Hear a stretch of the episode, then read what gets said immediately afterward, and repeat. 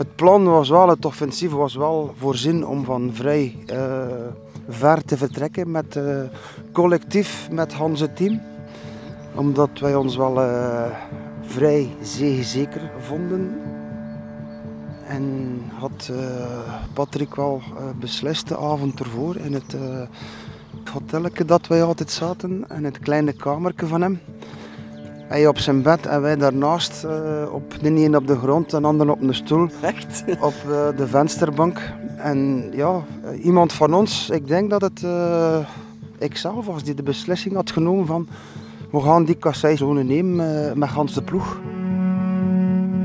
Tillois Les Marchiennes. Ik dacht dat Franco Ballerini als eerste opdraaide op de kasseistrook. Hier, waar we nu ja, waar we net ja. gestart zijn die dan toch wel uh, het grootste stuk voor, voor hem. Ik denk dat we dan op deze strook wel 55 per uur rijden. We rijden ook achter elkaar, kort op het wiel. En het was een beetje een aflossing. Hè. Eerst Ballerini, een groot stuk, dan Taffi, dan Bortolami. Je draait hier uh, rechts,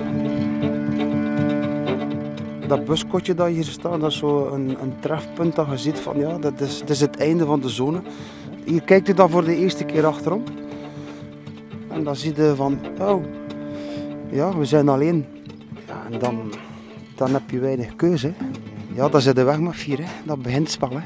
Hier wist ik nog niet wat er op het einde aan de hand was. Hè.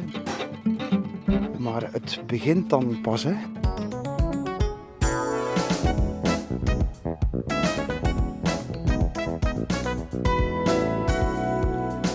Sportmarathon. Wat een demonstratie van de MAP EGB-ploeg hier in de 100-jarige Parijs-Roubaix. Museum met Bortolami en Taffi. Taffi, dat is de locomotief, die moet uh, werken voor de kop. Ik zie dat beeld nu voor mij. Ik zit in vierde positie en ik zie die jongens uh, ja, volle gas geven, volle... niet weten dat ze wat ze aan het doen zijn.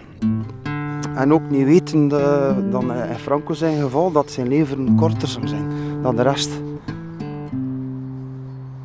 Franco was een, uh, ja, een beest in koers. Hè. Zijn forse dijen, uh, robuust lichaam. Kon ook enorm veel eten. Voor mij was zijn bijnaam Franco Tomat, omdat hij elke dag bijna, voordat hij aan de pasta begon, een Hans bord tomaten op had. Dan nog twee borden pasta en dan nog een stuk uh, vlees of vis. Kon enorm eten. Dat stelde vast omdat hij vroegtijdig om het leven komt, hè, maar voor mij eh, een groot kampioen. Maar die moeilijk te sturen was in de wedstrijd.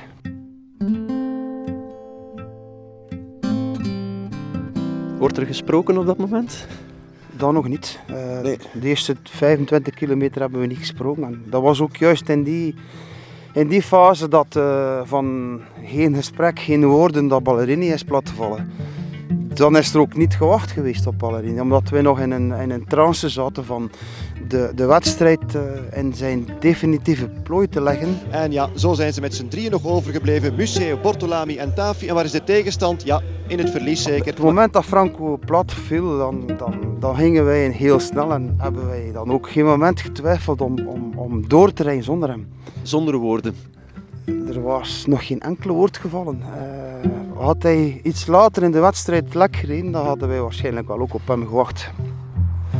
Kijk, ik zie die mensen dat sukkelen met de mountainbike. ja, dat is Parijs-Roubaix. Ik had nog nooit in een situatie terechtgekomen dat je met vier mensen, dan met drie, een, een wedstrijdfinale moet gaan, gaan rijden hè, in, in Parijs-Roubaix. Zij ook niet en ik ook niet. En ook uh, niet in de wagen. Op de radio zeggen ze op dit moment al... Het zal misschien nog een probleem worden om uit te maken wie van eh, de ploeg eh, mag gaan winnen. Denken jullie daar dan ook al aan? Uh, ik niet en zij ook niet, want uh, ik was absoluut de leider, de kopman. Dat was ook al enkele jaren zo in dat team. Ik had ook uh, al klassiekers gewonnen, veel wedstrijden gewonnen en andere wedstrijden. Ehm, dat er ook geen twijfel was over uh, mijn leiderschap. Ja. Maar snap je dat Luc van Ja. Langenhoven dat zegt? Daar komt miserie van. Er is ook eh, oneenigheid over gekomen, vooral over de tweede en de derde plaats. We hebben, zoals in de Ronde van Vlaanderen, een rechtstreeks lijn met Patrick Lefevre. We gaan even horen of hij ons hoort. Patrick, ben je daar in het spoor nu van eh, de leiders? Hallo Patrick? Nee, dat blijkt eh, nog eh, niet te gaan. Dat proberen we straks dan nog eens. Maar ze zijn weer vooraan. Ja, ja. Jawel, Patrick Lefevre. Eh, stel dat jullie met z'n drieën naar de finish gaan. Het is nog vroeg natuurlijk. Is er dan één man die aangewezen wordt als winnaar? Of moet dat nog eh, uitgewezen worden in de wedstrijd zelf? Toen nou, ik zal van het beer niet verkopen voor hij geschoten is. Ja. Oké, Ik heb eigenlijk nooit een moment gehad van... Er komt hier een moment dat het eh, moeilijk wordt. En zij ook niet. Dat is maar gekomen eh, naarmate de wedstrijd vordert. Nog iets meer dan eh, 40 kilometer na deze kasseistrook, nog 5 en dan is de Calvarietocht over. Maar is het wel een Calvarietocht? Nee, zeker als je met drie ploegmaats vooraan er zo een demonstratie van aan het maken bent. En dat je de overwinning riekt, dat je begint na te denken waarschijnlijk. En dat geldt eh, ook voor hen. En voor mij ook. Voor hen ook. We hebben niet veel nagedacht. We zaten vooral in het, eh, in het, in, in het gevoel van... We zijn hier bezig met iets die ongewoon is. Met dat waren we bezig. Tot het moment dat, dat te dicht bij de aankomst komt en dat, er wel, eh, ja, dat, dat het begint. Hè. De vrevel. Zou er nu toch een, echt een haar in de boter zitten in het MAP GB huishouden na zo'n prachtige demonstratie? We zullen het eh, dadelijk wel gaan horen. Misschien toch nog even proberen. Ik weet dat er veel stoorzenders zijn hier in de buurt van Robert. Patrick Lefevre, hoor je ons? Hallo Patrick? Patrick? Ja, dat is eh, niet te verstaan. Dat laten we zo eh, horen, Patrick Lefevre, straks na de aankomst. En we zullen zien Dat moet dan hier zo ongeveer zijn, de buurt van Canfin Pével, vlak Ja, voor ja. Carrefour de Larbre. Nog een kilometer of twintig, Johan? Oké, we rijden met drie naar de meet. Dat is al zeker dan op die afstand. Dus jullie hebben nog altijd geen woord met elkaar gesproken, als ik het goed begrijp. Eh, nee, wat betreft wie gaat er winnen, is er ook nooit een, een discussie of, of een gesprek geweest. Dat was duidelijk. Voor mij wel, ja. Zou er eh, ruzie in het huishouden van MAP GB nog komen? Karel Bertelen. Ja, eh, wie weet, want eh, toch wel een paar discussies nu. Het gevoel was, was bij hun aan het opborrelen. Hè, van, vooral wie, wie twee en wie drie. En dat voelde ik wel opkomen, dat moment al. Eh, ze begonnen onderling Italiaans te spreken.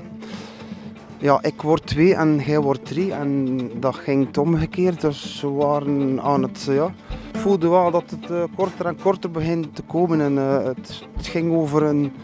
Mijn vrouw is zwanger en ik wil daarom tweede worden. En de Taffy. andere, ja. En de andere, mijn vrouw is jarig en ik wil tweede worden. Dus Tot op een bepaald moment dat het voor mij ook eh, iets te heftig werd, de discussie rondom mij. Dat ik mijn arm in de lucht heb gestoken en heb ik gezegd van secondo te terzo, basta finito. Jij hebt beslist.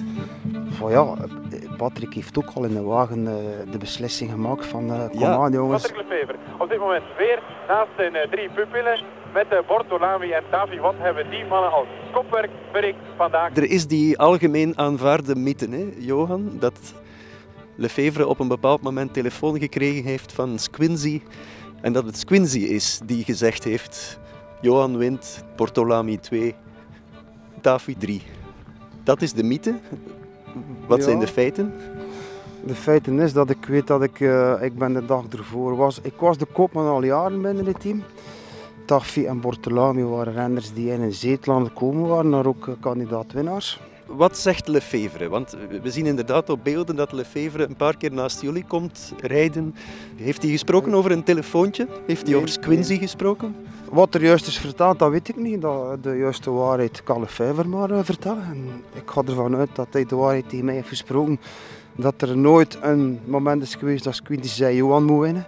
Want dat was al afgesproken de dag ervoor. En bij ons is er toch, ik kan alleen maar oordelen over ons drie, is er nooit een moment van discussie eh, of een twijfel geweest van wie gaat er hier vandaag winnen. Eh, dat was voor hen evident en voor mij ook. Dus één van de drie op kop gaat winnen. De vraag is wie. We stellen die vraag aan eh, Patrick Lefevre in de volgwagen. Patrick, eh, hallo Patrick, hoor je ons? Ja, ik hoor u. Wie gaat er winnen, Patrick?